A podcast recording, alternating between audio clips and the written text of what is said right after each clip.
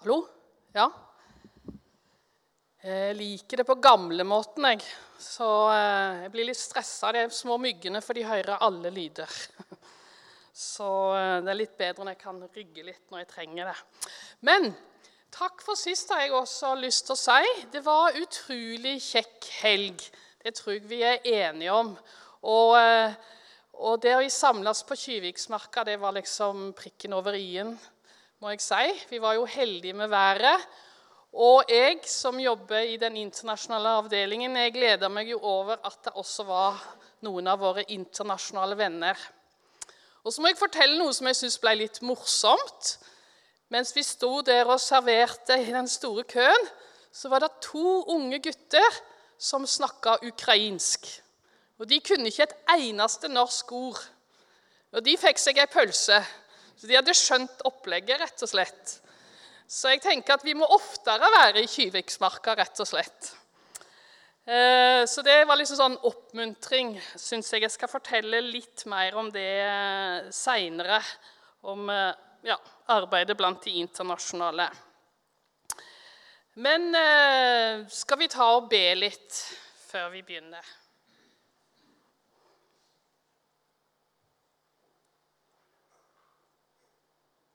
Jesus, jeg takker deg for vi alt har fått høre om eh, nåden din i dag, og blitt minnet om det. At det er du som frelser, det er du som gir av din nåde, og det er du som kan eh, fornye oss, forandre oss, frelse oss og stadig gjøre nye ting. Og som vi også hørte, kan bære frukt også i alderdommen, Herre. Det bare sier noe om at du stadig gjør noe nytt. Og Herre, jeg ber i dag at vi virkelig får tru i hjertet for det. At du gjør noe nytt i oss, og du gjør noe nytt i landet vårt, og egentlig i hele verden. Du, er, du har noe nytt hver dag, og du kaller oss inn til det, Herre. Far, jeg ber at du gir nåde over ordet, og at vi tar imot det som er fra deg og det som måtte være fra meg, at det bare faller til jorda, Jesus. Herre, la oss ved din nåde holde sammen både nåde og sannhet. Det ber jeg om i ditt navn, Herre. Eh, bare litt eh, repetisjon, om du vil. Eh, jeg håper jo at de fleste var iallfall deler av helga her sist. Og jeg syns at Magne virkelig hadde mye å gi oss. Jeg syns det var et profetisk kall til fornyelse og overgivelse til Herren. Både for oss sjøl og for Norge. Og han eh, minner oss på eh, Guds fornyende kall til Jesaja, profeten, som hadde et sjokkerende møte med den hellige Gud. Og det gjorde at Jesaja kunne ikke svare annet enn 'Her er jeg, send meg'. Og Arnt Magne spurte oss venter vi på Herren. Venter vi på Herren? Venter vi på Herren i dag? Tror du at han kan fornye oss og komme på nytt over Norge? Det ble nevnt flere ganger. Tror du at Gud kan komme på nytt over Norge, slik som vi har hørt om vekkelser før? Det er på en måte historie nå. Men tror vi at Gud kan komme på nytt? Og Da har jeg veldig lyst og jeg håper du kan få opp den, uh, bildet av den boka. Virker det? Der er den. Ja, kjempebra. For jeg har lyst til å anbefale denne boka. Jeg har nettopp lest den sjøl. Eh, det er en som heter Håvard Sand, som har eh, gitt ut den på Proklamedia. og Han jobber i Ungdom i oppdrag. Jeg har faktisk gått på skole med han på Kvitsund et år. Men den boka handler om at ja, si, Å lese norgeshistorien med troens øyne, som de reklamerer om, for. Og jeg syns det skapte så tru i meg. Jeg kjenner jo mye av historien i, i, om Norge, mange ting. Men det var liksom det blikket, troens blikk, Og det skapte tro i meg på at Gud kan komme på nytt over Norge. Vi er en misjonsorganisasjon som sender folk mange plasser. Men vet dere hva? Det er bare 30% som sier de tror på Gud i Norge i dag. 30% Og hvis det er noen få muslimer i den prosenten, så er det enda færre som tror på den Gud vi tror på. Derfor må Gud komme på nytt over Norge. Jeg kjenner det brenner i hjertet. Brenner det hos deg, har jeg lyst til å spørre. Men tilbake til forrige helg. Altså Arnt Magne gikk gjennom på søndagen om kong Hiskia. Og han, denne kongen ble et redskap for fornyelse i Israel. Han fikk prestene og levittene til å rense seg og hellige seg og rense tempelet, som hadde vært ute av drift, kan du si, med masse avguder og masse fremmed utstyr. Og så inviterte kong Hiskia eh, både Nord- og Sørriket til å komme og feire påske på ordentlig. Det hadde de ikke gjort på mange år. De hadde forsømt det. Og så ender det opp med to uker. De utvider. To uker med renselse, lovsang og fest. Og så, etter de har eh, feira påske, så går folket, det vanlige fotfolket, de går ut og slår ned alle avgudene og alt som ikke hører hjemme i hele Israel. Og de sto sammen i fellesskapet og overga seg til Gud og tjeneste for Han. I tjeneste for land og folk.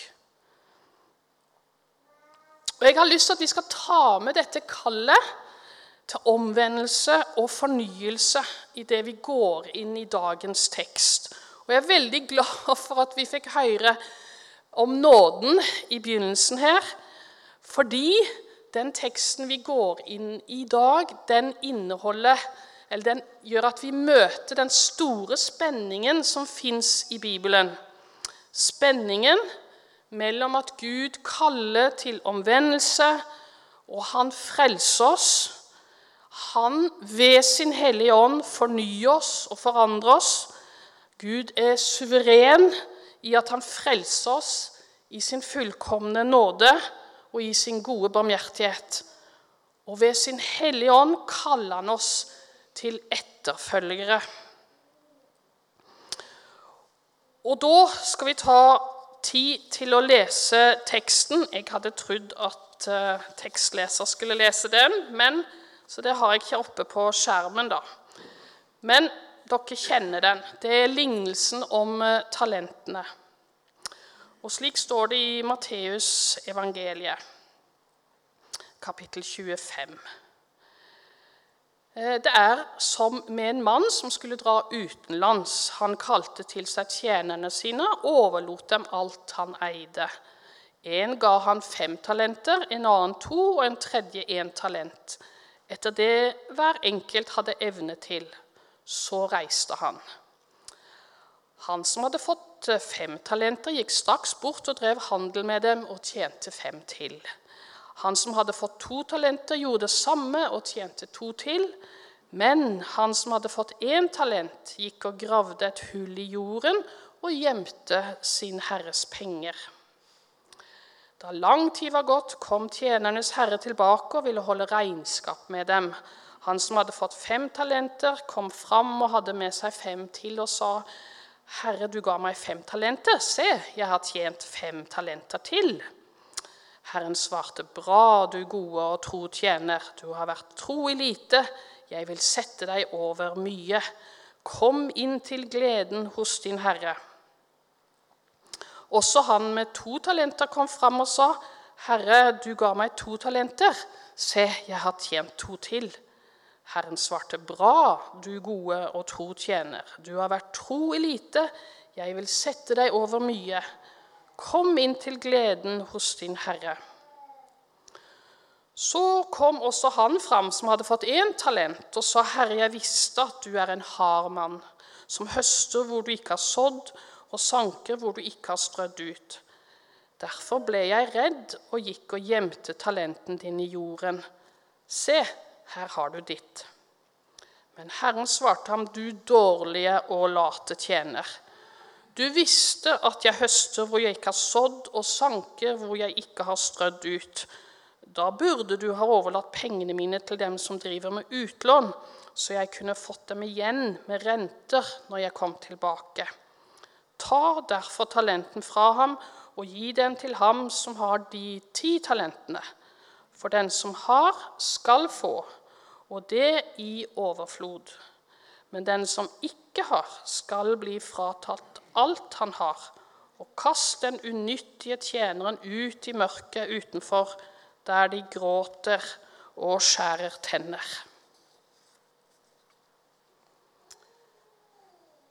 Hva betyr det å følge Jesus?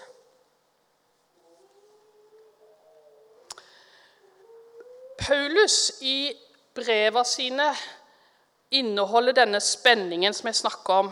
Nåden og så på en måte etterfølgelsen. Han begynner ofte breva sine med å takke Gud for de nye kristne i de forskjellige menighetene rundt i Vest-Asia. Han takker for det gode de gjør, og det rette de gjør. Og så går han over til å formane de, til å for bruke dagens uttrykk at de må skjerpe seg. De må leve i samsvar med det kallet eh, de har fått. Paulus har et veldig godt eksempel som jeg liker veldig godt. Og veldig aktuelt disse dager idrettsmannen. Er det mange som har sett på friidrett? Ja, noen. Ja, jeg liker å se på noen ting, spesielt når det er nordmenn. sant? Og blant annet så vi på onsdag Karsten Warholm springe inn for gull igjen på 400 meter hekk. Det er jo fantastisk. Og egentlig er det fantastisk alt det de gjør, for det er jo snakk om tiendeler og hundredeler i forskjell. Så det er litt crazy. Men han fikk gullmedaljen denne gangen. Og mens kommentatoren kommenterte liksom idet han går over eh, linja og tar imot hyllesten, så beit jeg meg merke i noe. Han sa det. Tre dager i veka så er Warholm ni timer på Bislett og trener. Det innebærer to harde økter og så hvile og restitusjon. Tre dager til. Da er det litt roligere trening, men fortsatt trening. Og så er det én dag hvile. Med andre ord det koster å vinne VM-gull. Det skjer ikke av seg sjøl. Du kan ikke gå rett fra sofaen og springe 400 meter hekk.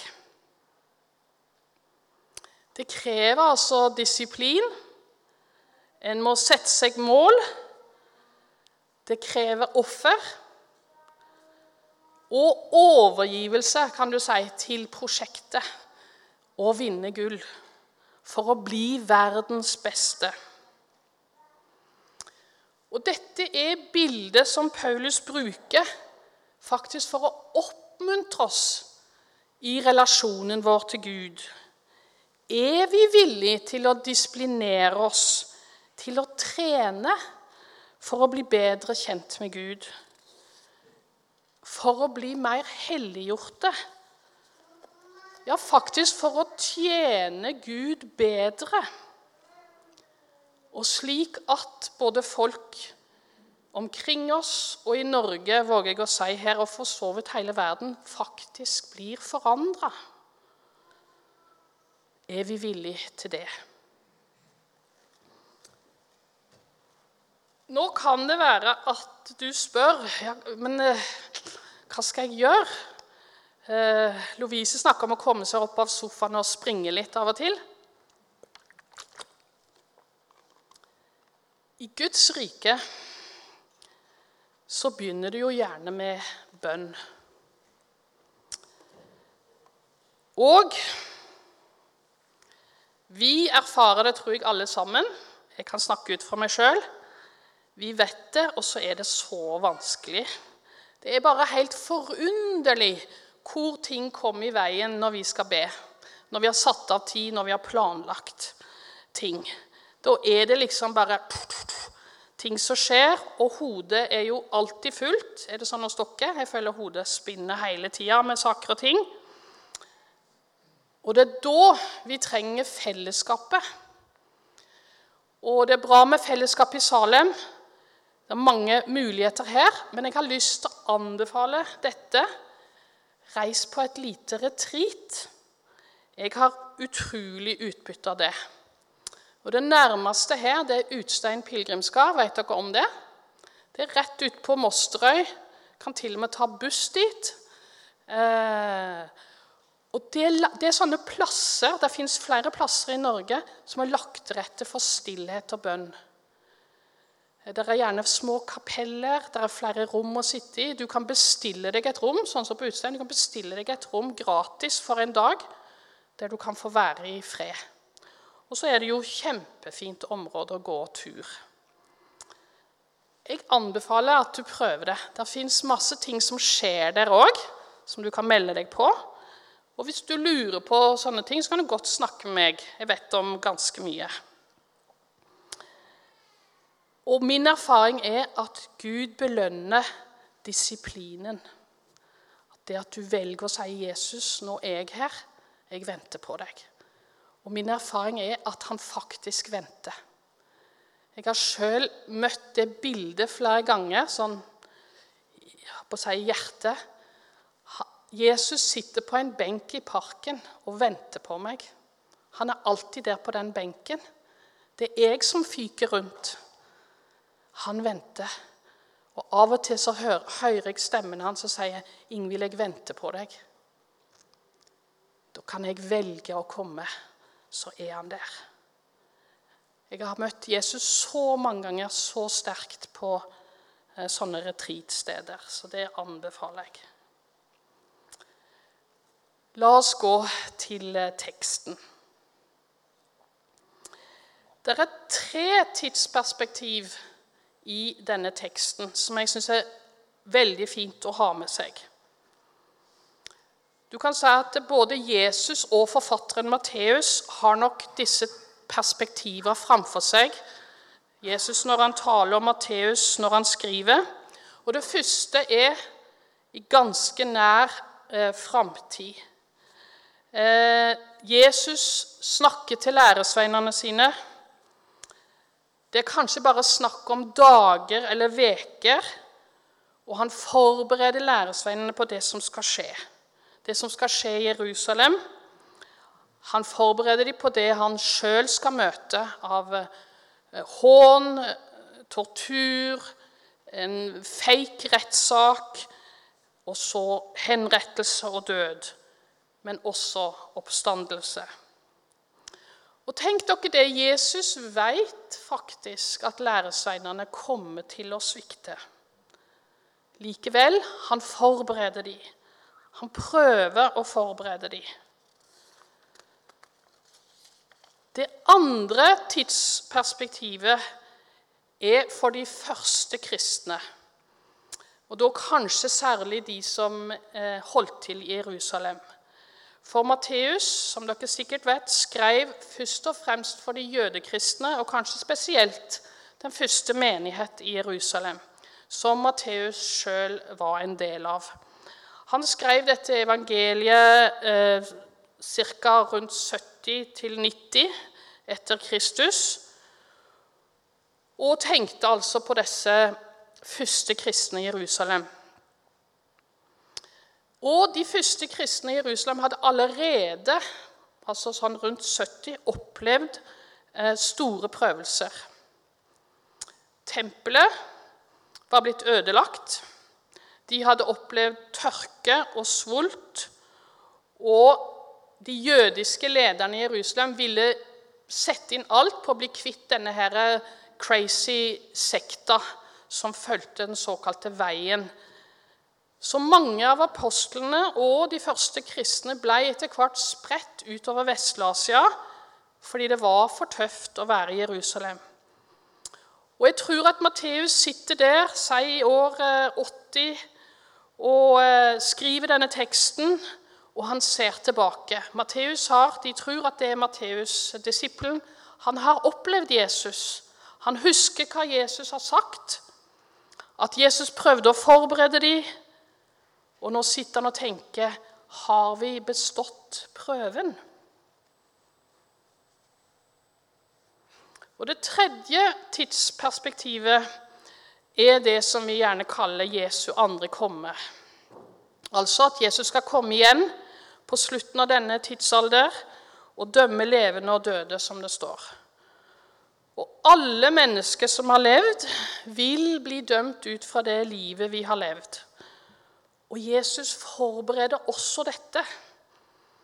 Og det er som Matteus, når han skriver, utfordrer oss rett og slett holder vi mål? Holder vi mål? Når vi fram? Har vi forvalta det vi har blitt gitt? Og det er et alvorlig spørsmål. Eh, og ofte så liker vi ikke å ta det opp. Men det er nettopp disse spenningene Bibelen har, og i denne bolken i Kirkeårets tekster så er det flere tekster om dette. Så igjen, se for dere at Jesus er på vei opp til Jerusalem. Han prøver å forberede både seg sjøl og disiplene på det som skal skje. Han advarer mot vanskelige ting som kommer til å skje.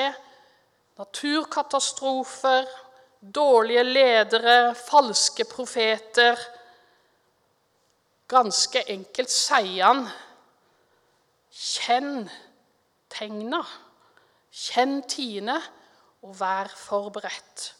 Dere kjenner liknelsen om eh, brudepikene. Noen var forberedt, noen var ikke. Og så kom brudgommen. Og så kommer denne teksten om talentene etter Jesus har fortalt om brudejentene. Og det er én tidshorisont til i denne teksten om talenter. Vi har sett tre framover, men det er en også bakover. Til begynnelsen, til skapelseshistorien i Bibelen. Som dere kjenner står i de første par kapitler i Bibelen. Gud skapte himmel, sjø og land, sol og måne, stjerner, dyr og planter. Og til slutt skapte han mennesket og satte det i hagen, står det. Og mennesket fikk to oppgaver. Det ene var, som det står, Gud velsignet dem og sa til dem, vær fruktbare og bli mange, fyll jorden og legg den under dere. Fyll fjorden, var det en sunnmøring som forsnakka seg på. Men uh, fyll jorden og legg den under dere. Dere skal råde over fisken i havet, over fuglene under himmelen og over alle dyr som det kryr av på jorden. Og den andre oppgaven er at Herren tok mennesket og satte det i Edens hage til å dyrke og passe på den. Altså Det ene var at de skulle få barn. Og det andre var at de skulle passe på hagen som de var satt i. Eller sagt på en annen måte de skulle forvalte det Gud hadde skapt, og arbeide i hagen slik at den var fruktbar og kunne gi mat til både mennesker og dyr. Og her er det noe som er jeg synes, helt fantastisk. Og jeg husker enda når dette gikk opp for meg på bibelskolen. Det var en som underviste oss. Men det var bare sånn fantastisk. For legger du merke til at fruktbarheten, eller reproduksjon om du vil, både for planter, dyr og mennesker, er del av den opprinnelige velsignelsen. Og det skjedde før syndefallet. Og på samme måte så er forvalteroppdraget å passe på hagen del av den opprinnelige planen til Gud. Altså det å arbeide, være kreativ, bruke og foredle ressurser var del av det Gud hadde planlagt. Og dette er det viktige det skjedde før syndefallet. Før ting begynte å gå galt. Arbeid er i utgangspunktet noe godt. En velsignelse som Gud har gitt oss. Vi skal få bruke oss sjøl. Vi skal få være kreative og skape noe på forskjellig vis. Og det syns jeg kan være godt å huske på når vi syns at ting ikke er så lett. Når vi er slitne, når vi ikke får til ting sånn som vi vil, når vi blir lei av eh, folk og fe og jeg, familie og kolleger, og alt liksom bare er galt.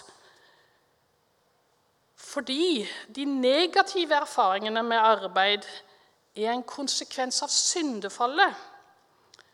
Det står jo jorda skal være forbanna, den skal bære lite frukt, og det skal være slitsomt å jobbe. Og Det kan vi godt minne oss sjøl på og hverandre av og til. At dette, dette slitet, denne fortvilelsen av og til, det var ikke den opprinnelige planen til Gud. Og når vi nå går inn i denne teksten om talenter, så la oss ta med oss dette perspektivet om fruktbarhet og forvalteransvar inn i denne teksten. For lignelsen om talenter handler altså om en rik mann som reiste utenlands.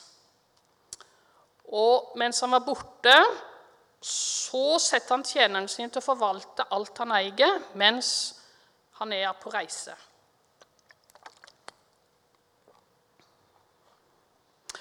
Og så får vi høre om tre tjenere som får overgitt helt utrolige summer som eh, de skal ha ansvar for. Jeg la i en kommentar ett talent utgjør 20 årslønner. Og gjør vi det om til dagens kronekurs i Norge, så er det altså snakk om at ett talent er 9 millioner kroner. Så hvis han dere som fikk fem talent, han har da 45 millioner kroner å investere. Det er litt penger. Eh, så, men uansett om det er fem eller én, de får mye som de har ansvar for og skal forvalte på beste måte. Og så var det altså sånn at både han som fikk fem talent, og han som fikk to talent, gjorde det som var forventa. De investerte og dobla summen av det de investerte. Men den siste tjeneren, som bare fikk én talent, blei redd og tok ingen sjanser. Han gikk og gjemte det han hadde fått, og det var ingen multiplikasjon av talentet hans. Så på siste scene så kom altså den rike mannen tilbake fra reisa si, og han vil ha et evalueringsmøte, om du vil. Han vil ha en gjennomgang av regnskapet. Akkurat som jeg tror de gjør i business i dag. Kristoffer Inge vet sikkert det at de gode arbeiderne får bonuser, mens de dårlige må bære konsekvensen av sine handlinger. Jeg synes Det var litt spennende at den såkalte Hverdagsbibelen prøver å uttrykke dette litt mer moderne. og Han sier den som tar ansvar og forvalter det han har fått, vil bli partner med eieren og får mer penger å investere. Men den som ikke gjør noe med pengene, mister pengene han har fått, og blir ekskludert fra selskapet, fra businessen. Som dere kjenner til, så, eller jeg regner med at dere kjenner det, eh, ordet talent er faktisk et ord vi har fått både på norsk og engelsk fra denne lignelsen. Eh, det syns jeg er litt artig, da. Eh, I dag er det selvsagt ikke en sånn navn på en valuta, men sånn som vi kjenner det f.eks. fra såkalte talentshow. Eh, eh, og fra sånne uttrykk som at ja, hun, hun har talent. Hun har mange talent. Og Når vi bruker det uttrykket, så tenker vi gjerne på sånne kreative ting sant, som å synge, eh, spille et instrument, lage noe med hendene. Men vi uttrykker jo også sånne ting som å ja, han har virkelig anlegg som lærer, eller å han, han har noe når det gjelder å være leder. Og Slik så kjenner vi igjen egenskaper og karaktertrekk hos andre og tenker at det, det er bra. Da har jeg lyst til å spørre hva med oss sjøl? Ser vi ting hos oss sjøl som vi er gode på? Eller er vi her i Norge altfor prega av janteloven? Jeg hører av og til eh, våre innvandrervenner prøve å forstå det jantelovgreiene. Det er virkelig norsk, altså. Som gjør at vi kanskje ikke våger å se på oss sjøl og, og, vurdere hva vi har fått. Eh, hva er vi utrusta med?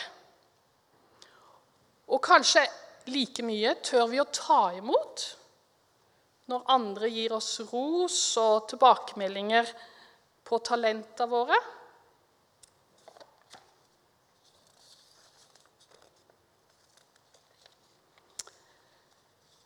Denne lignelsen om talenter forteller at vi har blitt gitt talenter, ressurser, kreative evner og et potensial til å passe på den hagen vi har blitt gitt. Og Da har jeg lyst til å spørre vet du hva hagen din er? Tar du ansvar for den og forvalter den på en god måte? Jeg tror at det ikke alltid er like lett å vite, og, men jeg tror jeg kan våge å si det, at det kanskje blir litt lettere når du blir eldre, rett og slett levd ei stund, at du begynner å få mer peiling på hva, på hva talenter du har. Og kanskje også hva han ikke er så god på og burde overgi til andre. Jeg bør ikke synge, f.eks., så jeg er veldig glad for et sånt team. Men la dere merke til i Salme 92 Det traff meg i dag tidlig. Der står det i Salme 92 Ennå i alderdommen bærer de frukt. Friske og frodige er de. Det sier noe om hvem Gud er. Det er ikke over når du liksom har bikka 30. Vi skal hele tida få bære frukt i det vi forvalter det Gud har gitt. Så jeg bare vil si, legg ikke inn årene Gud har noe også i alderdommen, også som vi blir eldre. Så ble også den leseteksten lest om nådegavene eh, i Paulus sitt brev til korinterne. Og Korinterne krangla om mange ting. Og blant annet dette, og de var liksom opptatt av hvem som skulle være mest åndelig, hva nå det enn er. Men Paulus formaner de. Det er forskjellige nådegaver, men ånden er den samme. Det er forskjellige tjenester, men Herren er den samme. Det er forskjellige kraftige virkninger, men Gud er den samme. Han som er virksom og gjør alt i alle. Hos hver enkelt gir Ånden seg til kjenne slik at det tjener til det gode. Slik kroppen er én, selv om den har mange lemmer, og alle lemmene utgjør én kropp, enda de er mange, slik er det også med Kristus. Eh, vi kunne hatt masse spennende undervisning om nådegavene, og det hører til en annen gang. Men i sammenhengen i denne teksten så er spørsmålet, eller spørsmålet Veit du hva dine åndelige gaver er? Og tar du ansvar og forvalter den eller de eh, på rette måten?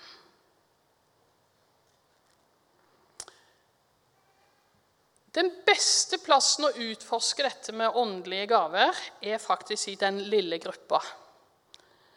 Så jeg håper at du er i ei bibelgruppe eller en forening, hva du enn liker å kalle det, og at dere er så trygge det at dere våger å snakke om det. Eh, jeg vet det sjøl. Det krever ganske mye av en type sårbarhet og åpenhet fordi det er så viktig for oss betyr så mye.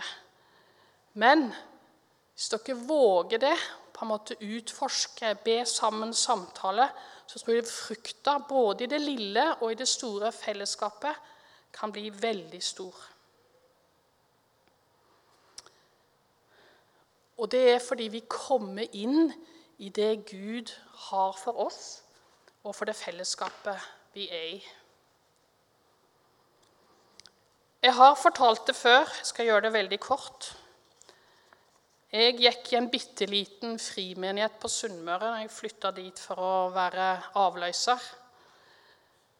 Eh, der var det ikke så ofte predikanter. Det var for dyrt å ha det stadig vekk, så det var mye bønn og vitnemøte. Jeg var 25. Jeg hadde aldri reist meg og sagt noen ting. Det tror dere ikke i dag. Jeg opplevde det kjempespennende å høre på folk fortelle om hva de opplevde med Jesus. Og så etter hvert kjente jeg at jeg fikk den hjertebanken. Jeg måtte også si noe. Og så reiste jeg meg, sa, las noen vers, sa noen ord og dumpa ned på stolen igjen, helt utslitt. Men så skjedde det, og det er det som er viktig her. Da kom de, de gamle, de gode voksne, de kom og sa til meg, 'Ingvild, du har noe. Vi hører vitnesbyrdet. Du har noe. Gå med det Gud har gitt deg.'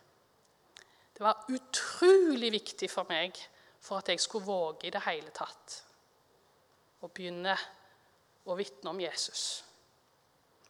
Det er det som kan skje ofte det i små fellesskap så begynner det der.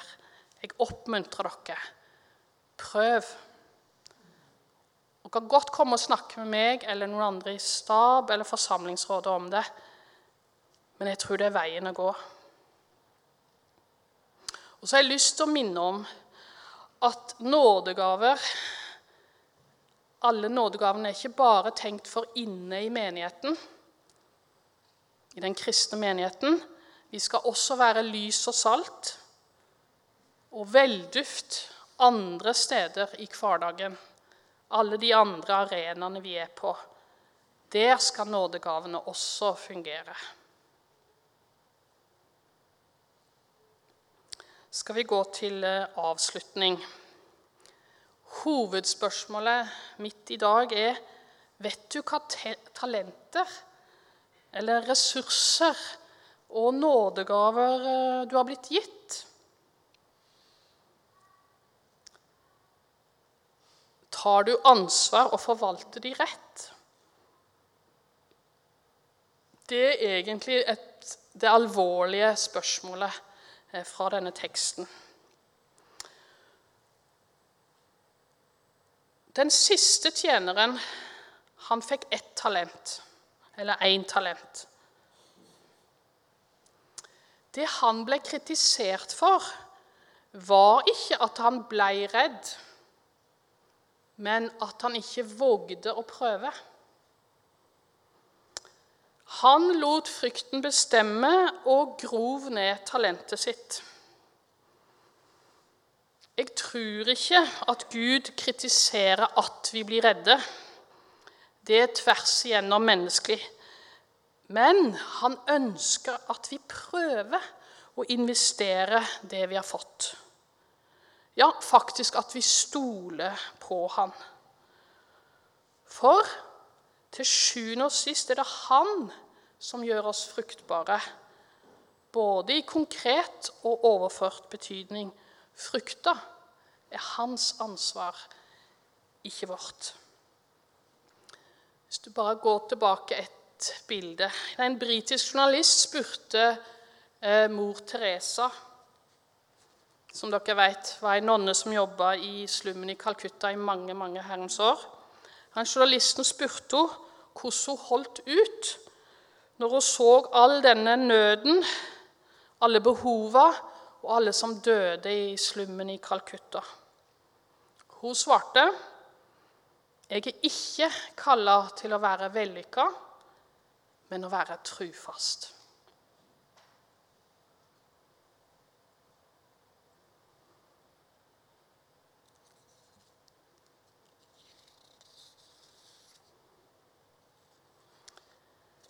Vil du satse på Jesus? At han er verdt å følge, og han vil la deg bære frukt. Og på én måte er det enkelt. Jeg har lyst til å avslutte med noen vers eh, fra slutten av kapittelet, som dere kjenner. Det er dommens dag. Jesus sier sauer og geiter.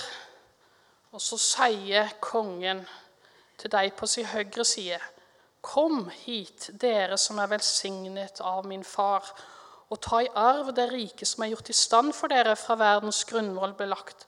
For jeg var sulten, og dere ga meg mat. Jeg var tørst, og dere ga meg drikke. Jeg var fremmed, og dere tok imot meg. Jeg var naken, og dere kledde meg. Jeg var syk, og dere så til meg. Jeg var i fengsel, og dere besøkte meg. Sannelig, jeg sier dere, det dere gjorde mot en av disse mine minste søsken, har dere gjort mot meg. Skal vi be sammen?